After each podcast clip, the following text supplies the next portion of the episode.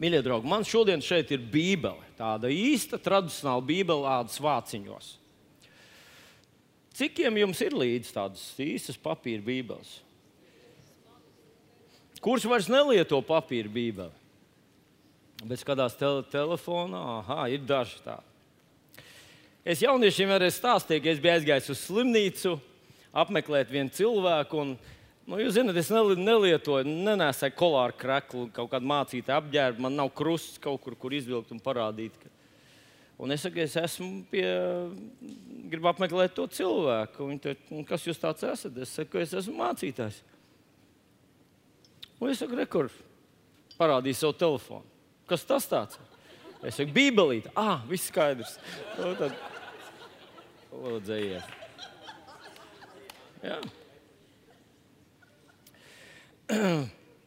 Bet uh, viens no maniem bērniem, kad precējās, laikam tas bija Valters I, kurš palūdza, lūdzu, nenāca uz, uh, nu, nevadītu laulību dievkalpojumu ar telefonu rokās. Nu, paņem Bībeli, nu, tā tomēr labāk izskatās. Bībeli.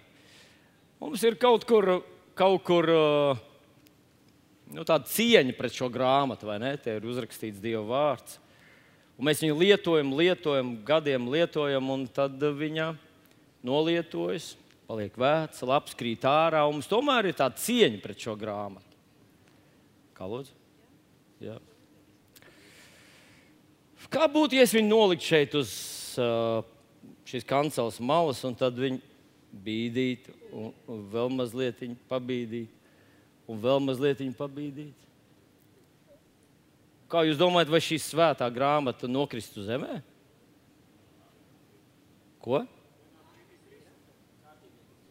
Bet, bet tāda ir svēta grāmata. Un, un ja nu mēs, mēs ticētu, ka viņi nekritīs zemē, vai viņi nokrist vienalga? Nu, labi, es zinu, jums katram kādreiz Bībele ir nokritusi zemē, un varbūt, kad tas nemaz nav tik grūti uh, prognozēt, kas ar viņu notiks. Bet man šodien līdzi ir atnākusi viena kristīga meitenīte. Viņas vārds ir Lotte. Un Lotte ir viena patiesi ticīga meitene, kur uh, lasa Bībeli, pārdomā viss, ko viņa visu dienu dara, tikai domā par Dievu vārdu. Es varu redzēt viņu mājās, ka viņa klusi guļ leļu kastē un visu laiku smaida ievērojot un domā par Dievu vārdu. Un vienā dienā Lotte nonāca viens ļoti augsts ēkas jumts. Faktiski to gandrīz varētu uzskatīt, ka viņa tā kā tāda nu, torņa galā ir nonākusi.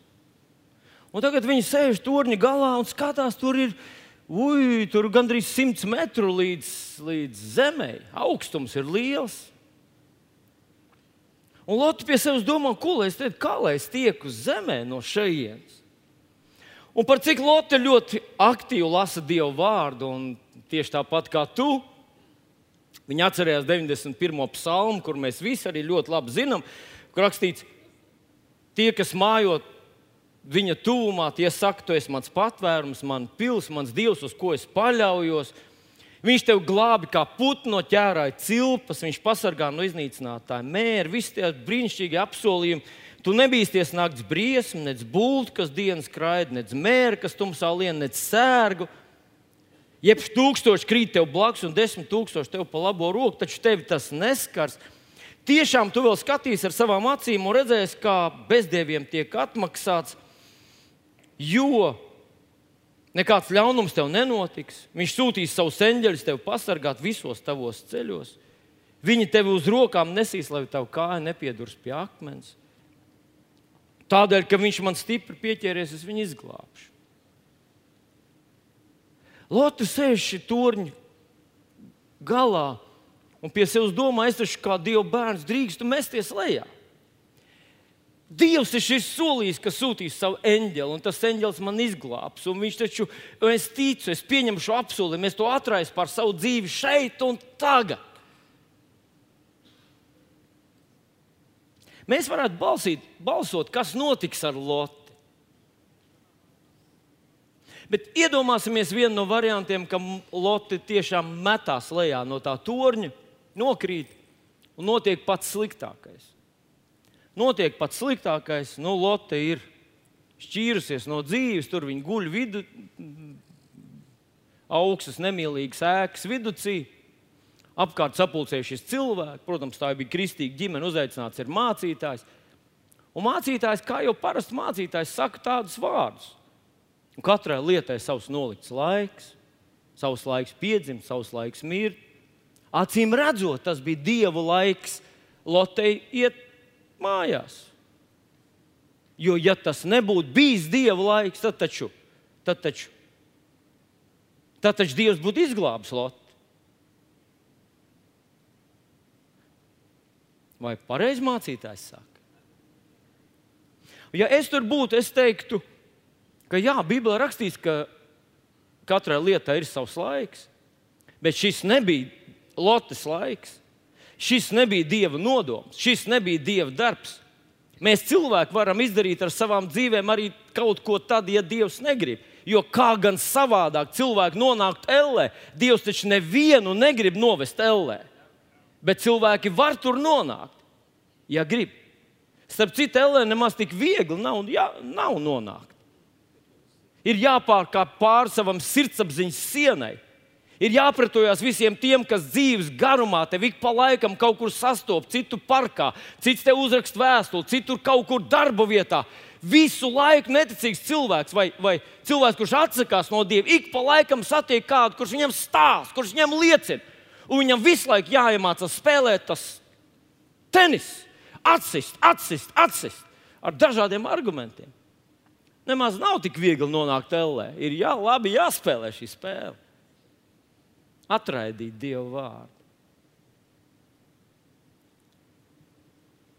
Bet tā tad es gribētu teikt, ka ja es būtu Lottes vietā, tur tā torņa galā, vienalga kāda iemesla pēc es tur nebūtu, es sauktu uz Dievu.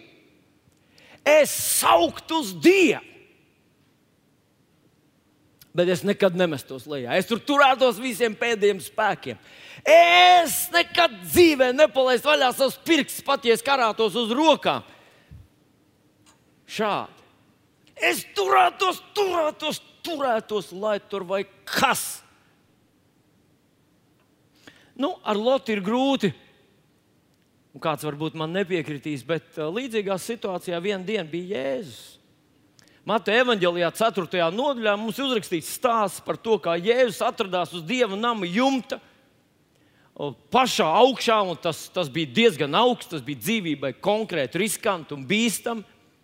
Un tad pie viņa piestājās vēlns, vai te rakstīts Mateja 4, 5. Mēs lasām, ka vēlns viņu noveda sev līdzi uz svēto pilsētu un uzcēla viņu pašā dieva nama jumta galā. Un saka viņam, tu esi dieva dēls. Ja tu esi Dieva dēls, tad nolaidies zemē no šejienes, jo stāv rakstīts, un viņš citē 91. psalmu.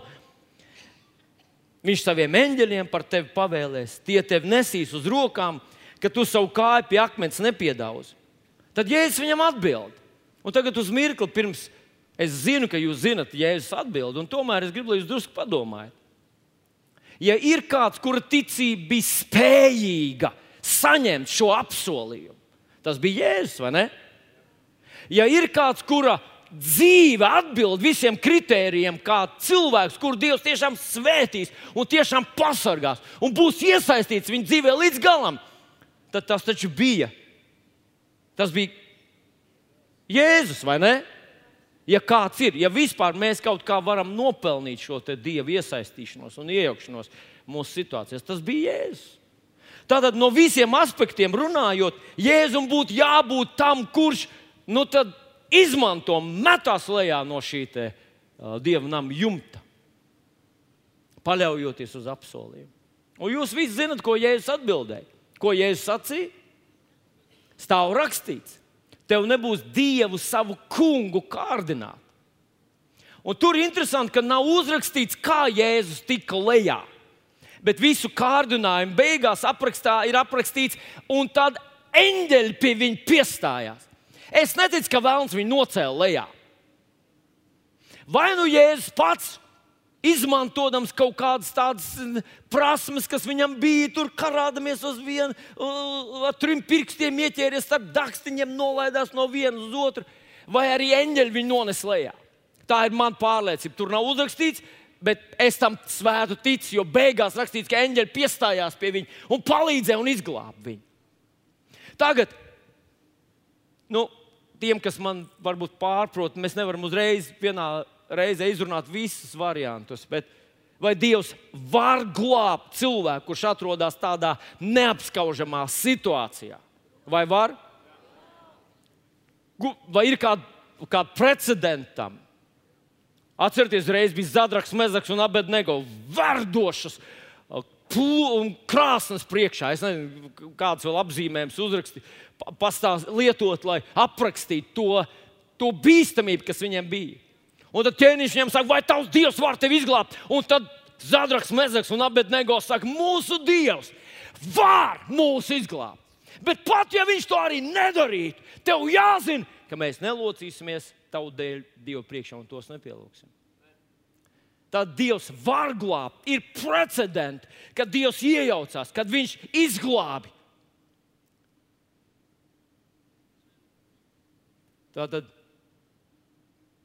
Bet jautājums, kāpēc Jēzus saka, tev nebūs dievu kārdināt? Un mana pārliecība ir tāda, ka tas ir Dievs, kas iedibināja fizikas likumus. Viens no tiem ir gravitācijas likums. Un tas gravitācijas likums satur kopā visu mūsu pasauli. Tas mums ļauj šodien šurp atkļūt. Tas ļauj, ļauj mums braukt ar mašīnu. Tas ļauj mums vispār mierīgi sēdēt. Ja nebūtu zemes gravitācijas, jums būtu jāturās pie saviem krēsliem. Citādi jūs nu, kā jūs drusku iemigt, mēs uzreiz redzētu, kurš iemiega. Viņš paceltos gaisā.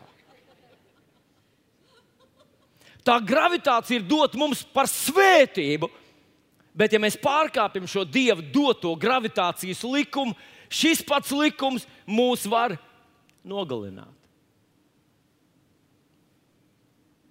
Es to saku tādēļ, mīļie draugi, ka šodien gribu apgalvot tādu ļoti drosmīgu lietu. Gribu apgalvot, ka līdzīgi kā, fizisk, um, praktiskajā, fiziskajā dzīvē, fiziskajā pasaulē, arī garīgajā pasaulē eksistē likumi. Eksistē likumi, kas ir doti, lai mūs svētītu, lai tie būtu mums par celšanu, lai mēs tos izmantotu sev par labu. Bet, ja mēs tos pārkāpjam, tie mūs var nogalināt. Tie, kas domā, ka Dievs skatās uz Lotu un vērtē, vai viņu glābt vai neglābt, tie, kas teiktu līdzīgi kā tas mācītājs, sacītu, ka acīm redzot, tas bija Dieva prāts un tas bija Dieva veids, kā viņš gribēja Lotu paņemt no šīs pasaules, un tāpēc neizglāba viņu. Tie domā, ka nav tāda eksistējoša kaut kāda garīga likuma, ka katrā individuālā gadījumā, katrā individuālā situācijā Dievs vērtē Ko darīt ar šo cilvēku? Vai glābt viņu vai neglābt? Un tikmēr, kamēr mēs sastopamies ar kādiem fenomeniem, kad cilvēks izglābjās, mēs sakām, slavu Dievam, Dievs ir man bijis žēlīgs. Nu, jūs jau zināt, ka es šādu un tādu pabraucu ar motociklu un iesāku to darīt diezgan jau, kad bija gados, man bija pāri 50. Un viens vīrs, kurš uh, man pārdeva savu, savu veco, manu pirmo mocīti, Viņš man teica, zini, ko tavos gados kauli ļoti lēni dzīst. Un man nenāca neprātā, ka man būs jālauž kauls. Man sanāca salauzt mazu kauliņu, bet uh, kad es kādreiz runāju par šo savu nelielo hobiju, es sev saku, ka Dievs man tomēr ļoti sargājis, ļoti palīdzējis un pasargājis visā tajā. Ka vienreiz man gadījās tāds neliels incidents, lai gan varēja gadīties biežāk. Bet tad es uzdevu sev jautājumu, vai tiešām tā ir, ka Dievs tos fizikas likumus, kurus bija iedibinājis, vai tiešām ir tā, ka Viņš tos manā gadījumā un kaut kādos manos īpašos gadījumos uh, Viņš tos atcēla. Un es nevaru apgalvot, ka tā nav bijis. Bet es zinu, ka Dieva likumi darbojas vienmēr viņi ir doti mums par labu, un eksistē kaut kāda izņēmuma. Bet, ja es būtu Lottes vietā un būtu meties lejā no torņa, visdrīzāk man būtu jārīko bērns. Ne tāpēc, ka Dievs gribēja mani nogalināt, bet tāpēc, ka tāds ir Dieva iedibināts likums, un es to pārkāpu. Es nodarīju pats sev pāri, nevis Dievs izlēma, ka ir pienācis mans laiks.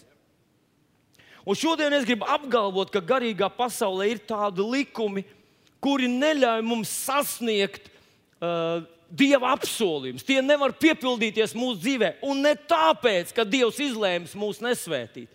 Ne tāpēc, ka Dievs izlēms mūs nedziedināt, ne tāpēc, ka Dievs ir pret mums, vai Viņš ir kurls, vai neiesaistās, vai šajā gadā, šajā gada laikā, šajā geogrāfiskā konkrētā vietā Viņš nepalīdz bet tāpēc, ka mēs neesam nezinoši par šiem likumiem, vai arī zinoši, vienalga viņus pārkāpjam. Un šie likumi darbojas pret mums, lai gan Dievs mūs ļoti mīl, ir mūsu pusē un gribētu mums pašu, pašu labāko. Šodien es gribu apgalvot, ka cilvēks, kurš nelasa Bībeli, viņš riskē ar to, ka viņš pārkāp šos dievu iedibinātos likumus, kas ir doti, lai svētītu bet var arī nogalināt. Ebreju vēstulītē mēs lasām tādus vārdus, jo ticībā mēs saprotam, ka pasauli radīja Dieva vārdu spēkā, ka no neredzamā cēlies redzamais. No neredzamā cēlies redzamais. Bībeli saka, ka Dievs mūsu radīja pēc sava ģīmija un līdzības. Neredzamais Dievs radīja mūsu redzamos, Un, kad mēs lasām Dieva aprakstu kaut kur Bībelē, mēs konstatējam, ka mēs pēc ārējās līdzības esam ļoti līdzīgi viņam. Viņš radīja pēc savas līdzības. Ja šeit ir teikts, ka neredzamais radīja redzamo, tad raugoties uz redzamo, mēs varam spriest par to, kāda ir neredzamā pasaule. Ja redzamajā pasaulē darbojas likumi, fizikas likumi, dažādi citu likumi, Ja tie darbojas, tie ir pareizi, tie ir nemainīgi ziemā, vasarā, tie ir nemainīgi, kurā arī kontinentā tu nenonāc, darbojas šie dievi iedibinātie fizikas likumi, tad tieši tādi paši viņi ir arī garīgā pasaulē. Un mums ir ļoti gudri un saprātīgi un normāli tos ņemt vērā. Es runāju ar, ar savu sieviņu Līgu kādu dienu arī par šo tēmu, un viņai uzreiz bija skaidra atbilde. Viņa teica, pamatlikumi ir uzrakstīti Dieva desmit paušļos. Tie ir desmit pamatlikumi. Garīgās pasaules pamatlikumi, kas darbojas neatkarīgi no tā, vai tu esi latviečs, vai krīvs, vai tu esi vīrietis, vai sieviete, vai tu esi jaunietis, vai tu esi sirmgalvs. Šie likumi darbojas, viņus nevar apiet. Tas tā kā lote var sēdēt uz dieva nama jumta, kuras un lūgt dievu un pieņemt kādus apsolījumus viņi grib, bet ja viņi metīsies lejup, Viņi pārkāps šo likumu un sekas būs bēdīgas. Un es šodien gribētu tikai atgādināt par tēmu, par to, ko mēs esam aizskāruši pēdējā laikā, cik tas ir svarīgi. Un drusku lieli tavā sirdī pārdomu priekšmetu, lai tu pats padomā pie sevis, paskaties uz savu dzīvi un padomā, ko tu vari sakārtot. Otrā pētera vēstulē, otrā nodaļa apelsīns Pēters runā par kādiem cilvēkiem, kas, kurus viņš ap, ap, ap, apzīmē, ka viņi ir netaisni. Un 10. pantā, 2. pētera, 2. nodaļa, 10. pantā viņš runā tā. Tātad tos viņš patur soda dienām, gatavo sevišķi tos, kas seko miesai kārībās, kas viņu apgāna, kas viņus apgāna, nicina augsto varu, pārdroši, pārgalvji, kas nebīstas no godības eņģeļiem, bet zaimo tos. Kamēr eņģeļi kaut gan tie, tie ir stiprumā un spēkā lielāki, nenosoda viņus to zaimodam tā kunga priekšā. Viņi ir kā neprātīgi dzīvnieki, kas pēc savas dabas radīti satveršanai un nokaušanai. Tāpat kā šie ies bojā, tāpēc, ka tie zaimo to, ko nepazīst.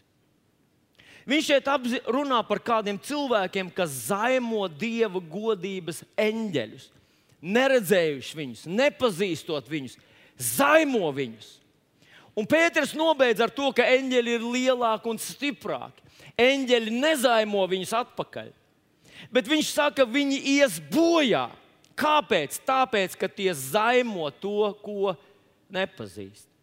Tātad Dieva vārds saka, ja mūsu attieksme pret Dieva godības eņģeļiem ir aplama, nepareiza, augstprātīga, zaimojoša, mēs ar to parakstam sev uh, grūtas dienas, parakstam sev bēdas, un gala beigās viņš saka, tie ies bojā. Kāpēc es runāju par eņģeļiem? Es gribēju dot kaut kādu atskaites punktu. Es domāju, šeit nav neviena cilvēka, kurš iedomātos zaimot eņģeļus. Mēs pateicamies par viņiem dievam un izturamies pret viņiem ar cieņu. Mums viņi nav jāpielūdz, nav jādievina. Mums nav jāilgojas viņus redzēt. Bet mums ir jāsaprot, ka viņi mums kalpo, viņi ir tiešām kalpotāji, viņi ir sargi, viņi ir sargeņģeļi, viņi ir mums blakus, kad mēs guļam un visādās dažādās situācijās. Viņi tiešām mūs glābi dažādos gadījumos. Es domāju, to ir diezgan daudz, kurus mēs varbūt nepamanām. Bet nicināt viņus, tas būtu pēdējais, kas man ienāk prātā. Bet ir cilvēki, kas to dara, un tad viņš saka, ka tās sekas tam ir bēdīgas. Bēdas kaut kur ir šo cilvēku dzīvē. Es to saku tādēļ, ka Bībelē, paklausieties, ebreju vēstulītē, ir teikts tā, kur ir salīdzināts cilvēka dēls, kungs Jēzus Kristus ar eņģeļiem. Un viņš salīdzina viņus tā, jo kuram eņģelim gan jebkad viņš ir teicis, mans dēls, tu esi, šodien es tevi esmu dzemdinājis.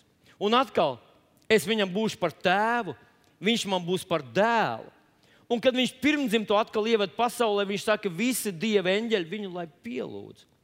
Par eņģeļiem viņš saka, kas savus eņģeļus dara par vējiem un savus sulaiņus par uguns liesmām, bet par dēlu tavs tronis Dievs paliek mūžīgi mūžam, un taisnības zizlis ir viņa valdnieka varas zizlis. Tu esi mīlējis taisnību un ienīdis netaisnību, tāpēc Dievs, tavs Dievs, ir svaidījis tevi ar prieku eļu vairāk par taviem biedriem. Un sākumā tu, kungs, zemi esi dibinājis. Viņš runā vēl aizvien par dēlu. Debesis ir tavu roku darbs par kungu Jēzu Kristu. Tās zudīs, tu paliec, tās visas sadils kā drēbes, un tu tās satīs kā uzvalku, un tās pārvērtīs. Bet tu esi tas pats, un tavi gadi nebeigsies. Paklausies vēl.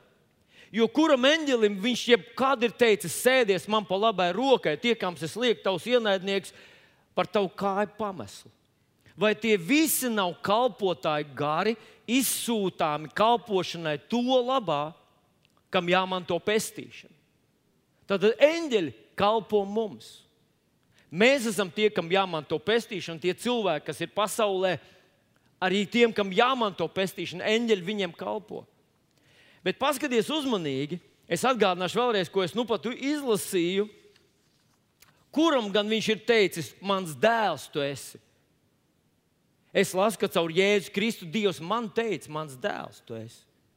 Es lasu, ka caur Jēzu Kristu viņš ir teicis, ka, eh, ka, ka Jēzus kādā vietā sacīs saviem mācekļiem, ka tie sēdēs uz 12 kroņiem, man, troņiem man blakus.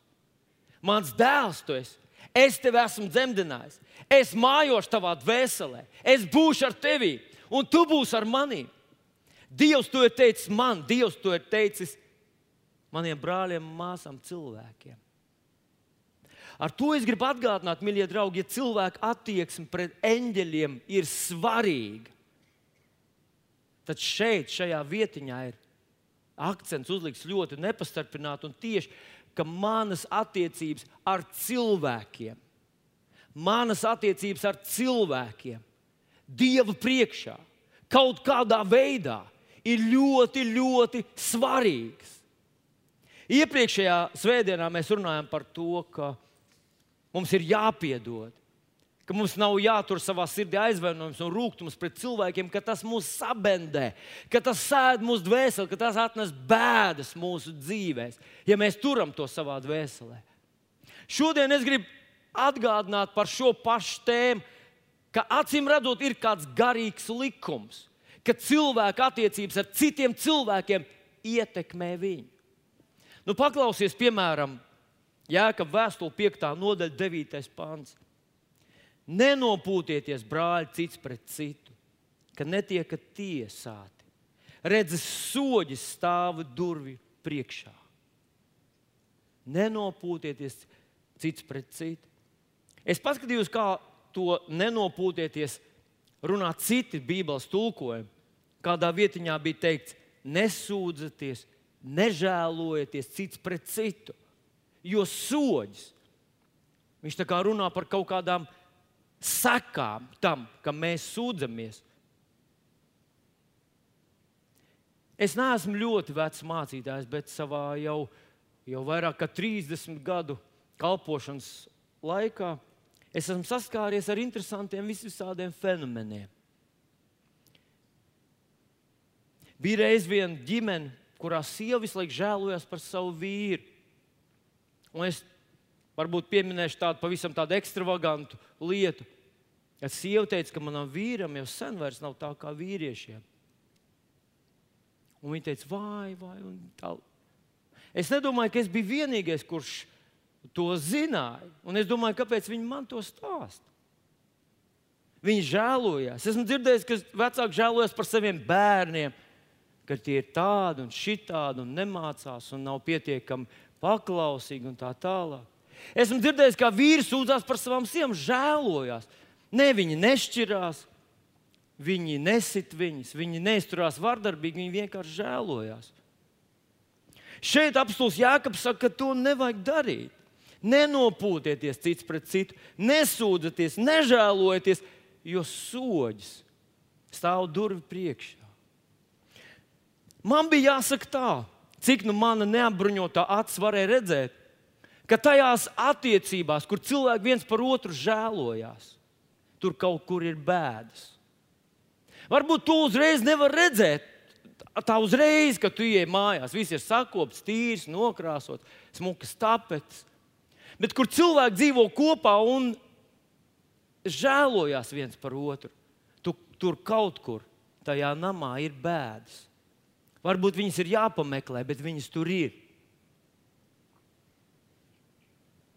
Nu, paklausieties, Mateja evanģēlijas 25. nodaļa, 40. 40. pāns, kur ķēniņš atbild tiesas dienā. Viņš saka, visu, ko jūs esat darījuši šiem vieniem no maniem vismazākajiem, to jūs esat darījuši man. Vienā dienā šis pāns uzrunāja man un šokēja. Un es sapratu, ka šajā vietiņā Dievs pielīdzina manas attiecības ar maniem līdzcilvēkiem. Viņš pielīdzina man savām attiecībām manām attiecībām ar viņu.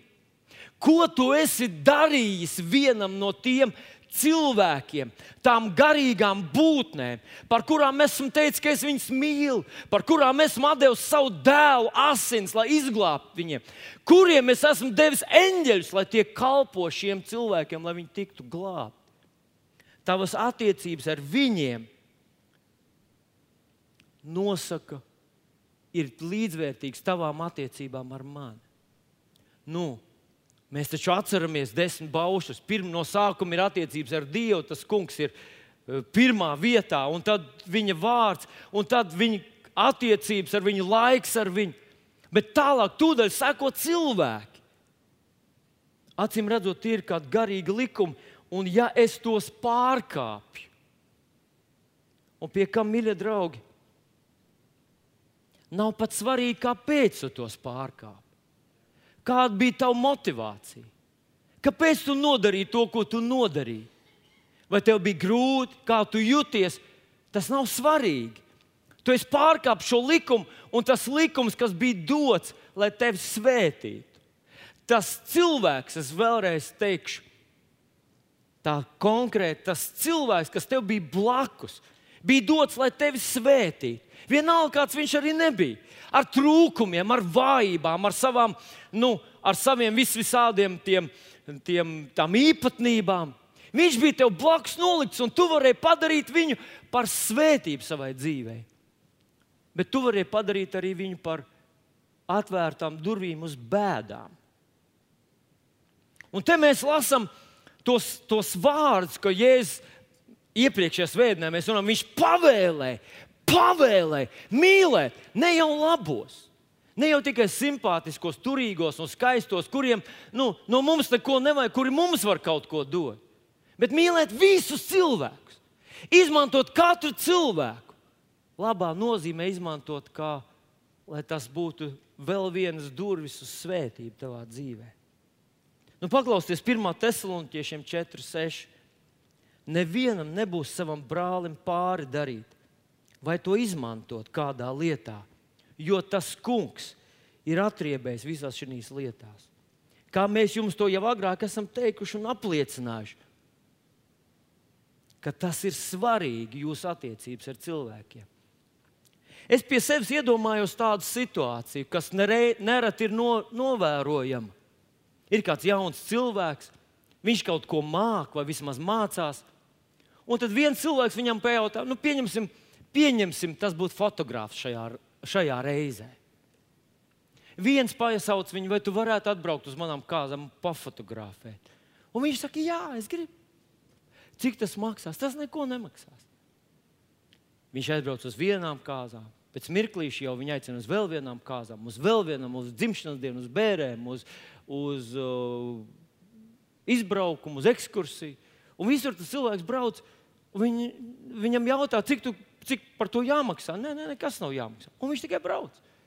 Un beig, beigās viņš ir pavadījis un, teiksim, kādu labu laiku. Viņam nav nekas viņa kabatās, viņš neko nav nopelnījis, viņš ir tur, kur ir. Un tad viņa sirdī pēkšņi iezogās rūkums. Viņš saka, es biju tur tajās kāzās, visiem viņi samaksāja, izņemot mani. Un tas nekas. Es biju tajās, kā es biju tajā dzimšanā, es biju tur, es biju tur. It kā no savas puses viņš pateica, ka nevajag man neko maksāt. Bet drusku vēlāk viņš sāk domāt, nu kāpēc tā? Ka visiem varēja samaksāt, un man neko. Un viņa sirdī iezogās rūkums un tāda sāpe. Un zinat ko? Man nāk prātā tā rakstvietiņa, kur rakstīts, nepalieciet nevienam neko parādā. Man tas runā par to, ka, ja tev nav ko samaksāt, tā ir cita lieta.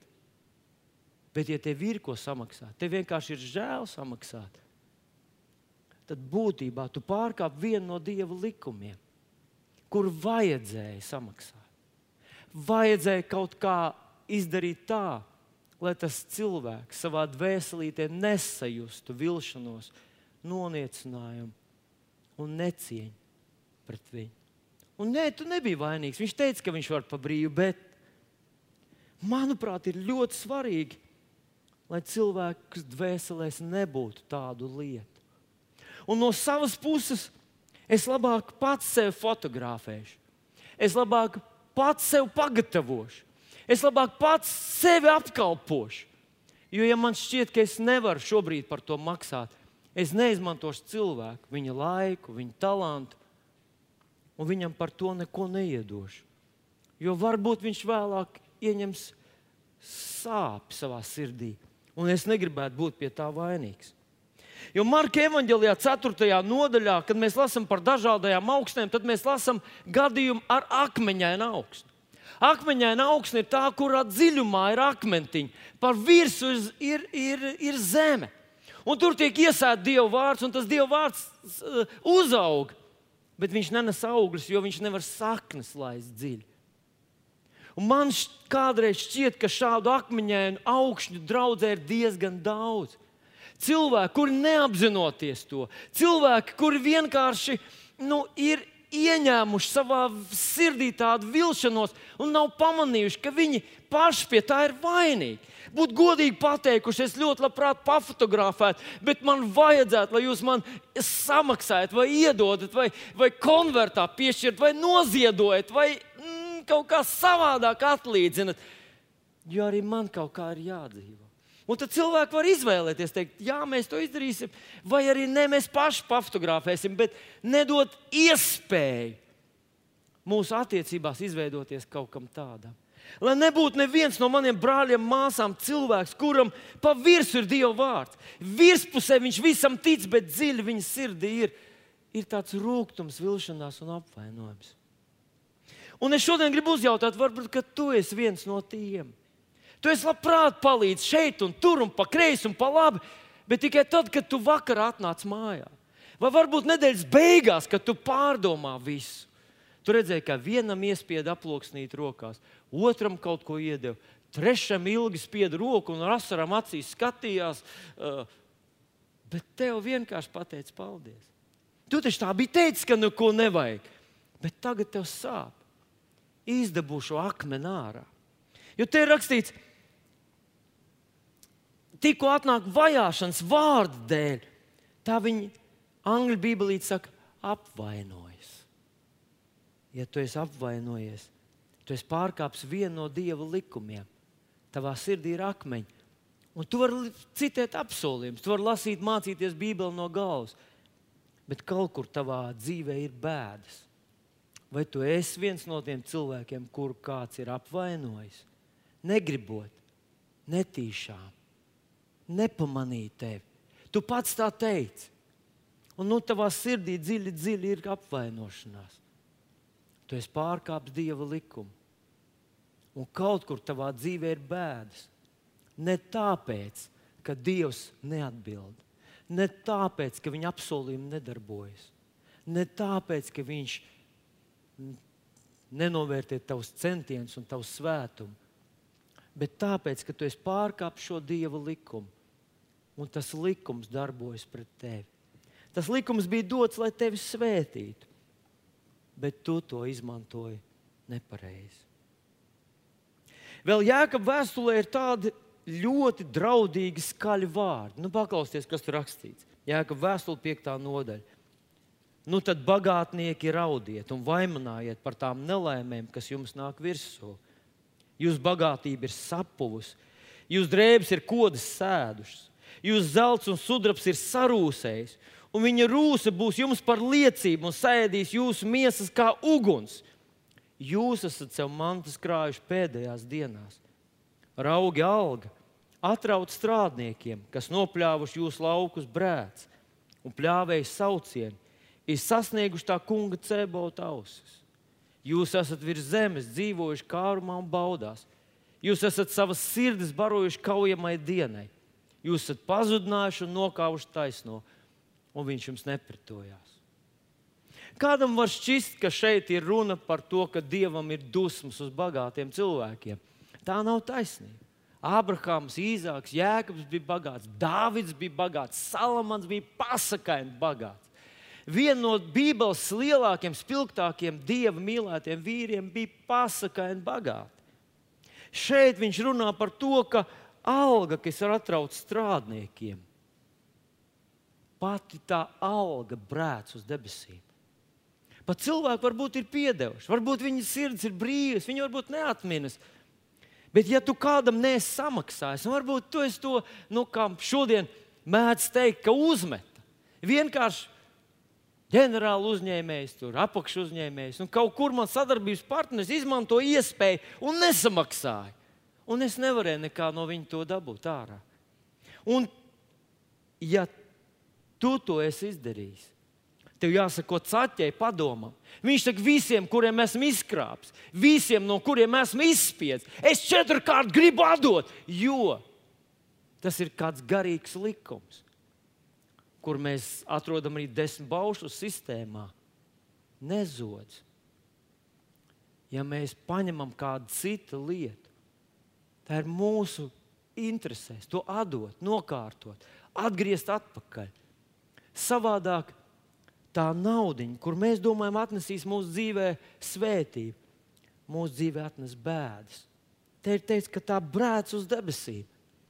Un Dievs noteikti ir spiests pieļaut, lai viņa likuma darbojas. Un tad vēl es gribu teikt, draudzē ir dots uzdevums. Draudzē ir jādara darbs šajā pasaulē. Tas ir Dieva uzticēts, Dieva dots. Un varbūt tev šķiet, ka tu esi tikai par tik, par cik draudzē. Un tu vari iztēloties, ka tas, šis pienākums uz tevi neatiecas. Bet tā tas nevar būt. Tu neesi interesēts, lai kāds cits samaksā to tavu ziedojumu daļu. Tu negribi, lai kāds cits samaksā par tavu tiem ķieģeļiem, kas tev bija jāapmaksā, kaut kādus darbus, lai kāds cits to izdara. Tu to negribi izdarīt tā naudiņa, ko, ko Dievs bija devis tev, lai tu to ieliktu Dieva darbā. Bet tu to paņēmi sev un domāji, ka tā sasildīs tavu sirdiņu, sirdi un iedos tev labāks kurpes kājās. Tā naudiņa neatnesīs svētību, bet atnesīs bēdas. Un tāpēc tas ir tāds dieva likums. Dievs ir pirmajā vietā. pirmajā vietā. Arī tad, kad tu centies sakārtot savu dzīvi, kad tu karo tos savus cilvēcīgos karus, tev jāpēdina ģimene, tev jānodrošina. Bet tev jāatceras, ka ir kāds garīgs likums, kur nav iespējams apmānīt un aiziet tam garām. Dievs ir pirmajā vietā. Un tad es gribu vēl pieminēt kādu ļoti svarīgu likumu, garīgu likumu, kas attiecās ar mūsu, saistās ar mūsu līdzcilvēkiem. Evazīšu vēstulīte apstāsts Pāvils citē vienu no dieva desmit baušļiem.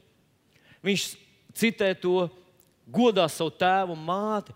Tas ir pirmais bauslis ar apsolījumu, proti, lai tev labi klājas un tu ilgi dzīvo virs zemes. Un tas ir likums. Dažkārt es esmu redzējis savā mūžā, ka cilvēki nonāk attiecībās ar vecākiem nu, gluži kā Blaumans aprakstīs savā lugā Indrānu, kad vecākā paudze, seniori dzīvo kopā ar jaunāko paudzi. Un jaunākā paudze vairs nav nekāda jaunieša. Jau jūtams sagurums, jau, jau, jau vēl, vēl tie spēki, cik vēl ir palikuši, vēl gribas ieguldīt, vēl gribas kaut ko paspēt, jo tu saproti, ka, ka šis ir tavs laiks, tev pēc iespējas daudz ir nu, jāizdara un jāsapelna pirms atnāk tās, tās vecuma dienas. Bet turpat blakus dzīvo vecāki. Un kādreiz es esmu redzējis, Visi ir laicīgi nokārtot, lai tas būtu lētāk, jo bērniem ir māja norakstīta, un viņi kopā dzīvo. Un tad iepriekšējā paudze saka, nu, mēs gribētu saglabāt to, ko mēs esam sasnieguši. Viņa intereses ir citas. Jauniešiem ir citas intereses. Un tad viņi sadurās. Un tad gadiem ilgi notiek tāds kluss aizvainojums. Vecāki jūtās, ka viņu vārds vairs nav tik svarīgs, viņa intereses vairs nav tik nozīmīgas. Jaunieši grib kaut, jaunieši kaut ko grib, pārbūvēt šo ārā, to iekšā. Un uz sirmgalva jūtās slikti. Un it kā taisnība ir abiem. Tiešām taisnība ir abiem. Neviens grib slikt, ne otrs grib slikt. Bet, kad es kādreiz paklausos, ka māmiņa runā vai tētis runā ar tādām skumjām, ar tādu sāpju sirdī, ka nu, mēs te tā sadzīvojam, mums jau jāpieraujas, mums jau jā, jā, jā, jāpaklusē, jo mēs jau esam veci. Un jaunieši turpat blakus grib labu. Un es, viņi ir pārkāpuši dievu likumu, un tur vairs nav jautājumu, kāpēc. Redziet, ja mēs kādreiz domājam, ka Dieva likumi ir tādi, ka Dievs vienkārši sēž krēslā un katru gadījumu izskata atsevišķi, tad mums liekas, ka Dievs jau sapratīs, kāpēc mēs esam tur, kur esam. Viņš taču jūt tās mūsu emocijas un sajūtas. Bet, ja tas ir vienkārši likums, tad, ja tu esi nonācis tādā situācijā, tad tas vienkārši darbojas. Un, ja godāt savu tēvu un māti, nozīmē, ka tev labi klāsies un tu ilgi dzīvos. Tad, ja tu nonāc tādā ilgstošā pretim stāvēšanas atmosfērā, un pasakā, Dievs, vēl bērnu uzaug tādā, tad kaut kur tajā namā ir bēdas. Varbūt viņas nevar redzēt uzreiz, bet kaut kur viņas tur ir. Jo tas ir Dieva likums, tas ir garīgs likums, kur nevar apiet, kur nevar, ar kur nevar manipulēt, kuram neko nevar iestāstīt. Tā vienkārši ir. Un tad es teiktu, labāk, labāk kādam pierauties. Labāk iekost mēlē, ja tu reizes nonāc tādā situācijā. Vai labāk apsēsties, kā Bībelē saka, celt gaismā tās lietas, izrunāt, saprast, kas ir svarīgi, un tad ievērot vienam otru svarīgās, svētās lietas, sarkanās līnijas, lai nebūtu šīs ilgstošās sāpes, vilšanās, aizvainojumi, lai nebūtu tādas sūdzēšanās, jo tad mēs atveram savā dzīvē, lai ienāk bēdas. Vēl ir kāds garīgs likums, Uh, desmit baušu sistēmā tas ir ierakstīts, ka uh, tev nebūs melot, tev nebūs sniegt nepatiesas liecības. Tas nozīmē, tev nebūs runāt aplams lietas.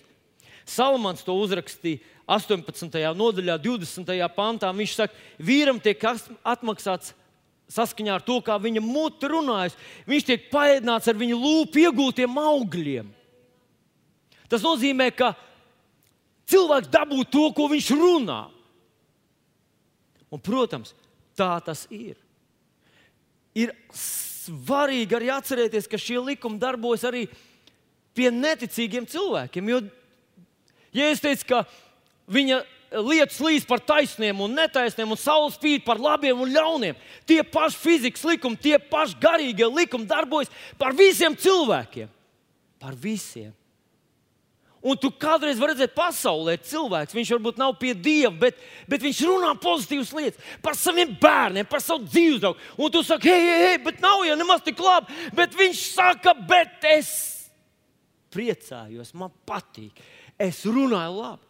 Runā par savu sarūzējušo mašīnu, labi, šķībo māju, labi, puspliko pļavu, labu, par saviem skābajiem aboliem, labu.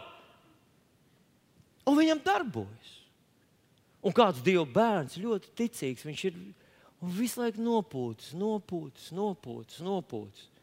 Viņa dzīvē būs bēdas ne tāpēc, ka, ne tāpēc, ka Dievs nevar svētīt. Viņš vienkārši pārkāpj šos garīgos likumus. Bet pirms runāt pozitīvas lietas, ir svarīgi tās dabūt savā sirdī iekšā. Jūs zināt, Bībelē ir tāds princips jaunajā darbā. Mēs, mēs, mēs daudz skaidrāk visas lietas redzam. Un tur rakstīts, ar sirdi tici un ar muti apliec. Ir svarīgāk to vārdu padarīt par miesu, un tad lai tā miesa runā. Un tad tas darbojas. Tad tas ir spēks. Tad, ja tu izmanto šos dieva dotos likumus, tas ir kā elektrība. Elektrība cilvēks sāk lietot, nu, varbūt kāds simts gadus atpakaļ. Nu, es ne, ne, nemāku precīzi pateikt, bet visi tie likumi darb, darbojās ilgi pirms tam. Vienkārši cilvēki neizmantoja to. Es nezinu, ko tu darīsi ar dieva likumiem savā dzīvē. Vai tu tos neapzinājies viņa eksistenci. Vai tu tos jau esi izmantojis? Ja tu tos esi izmantojis, tev jāzina, ka viņi darbojas kā gravitācija, kā elektrība, kā visas citas fiziskajā pasaulē. Tieši tāpat viņi darbojas garīgajā. Tikai studē Dieva vārdu, iepazīst viņus un pielieto savā dzīvē. Un tu baudi to svētības likumu spēku nemainību. To, cik tie ir uzticami, cik tie ir droši Dieva likumi. Ja vecajā derībā viņi to darīja aiz bailēm, 5. mūža grāmatā, 28. nodaļā, ja tu to visu darīsi, tu būsi svētīts, bet otrā daļa, tu būsi nolādēts, nolādēts, nolādēts. Šodien mums nav vairs baiļu daļas, nav. Romiešiem 8,15 rakstīts, jūs neesat dabūjuši verdzības garu, lai atkal kristu bailēs, bet jūs esat dabūjuši Dievu Pērnības kā. Mums nav jābaidās. Mēs paklausām Dievam, mēs respektējam Viņa likumus aiz mīlestības, un ticības un sapratnes uz Dievu, ka tas ir dots, lai mūs visus svētītu. Jēzus vārdā. Piecelsimies kājās.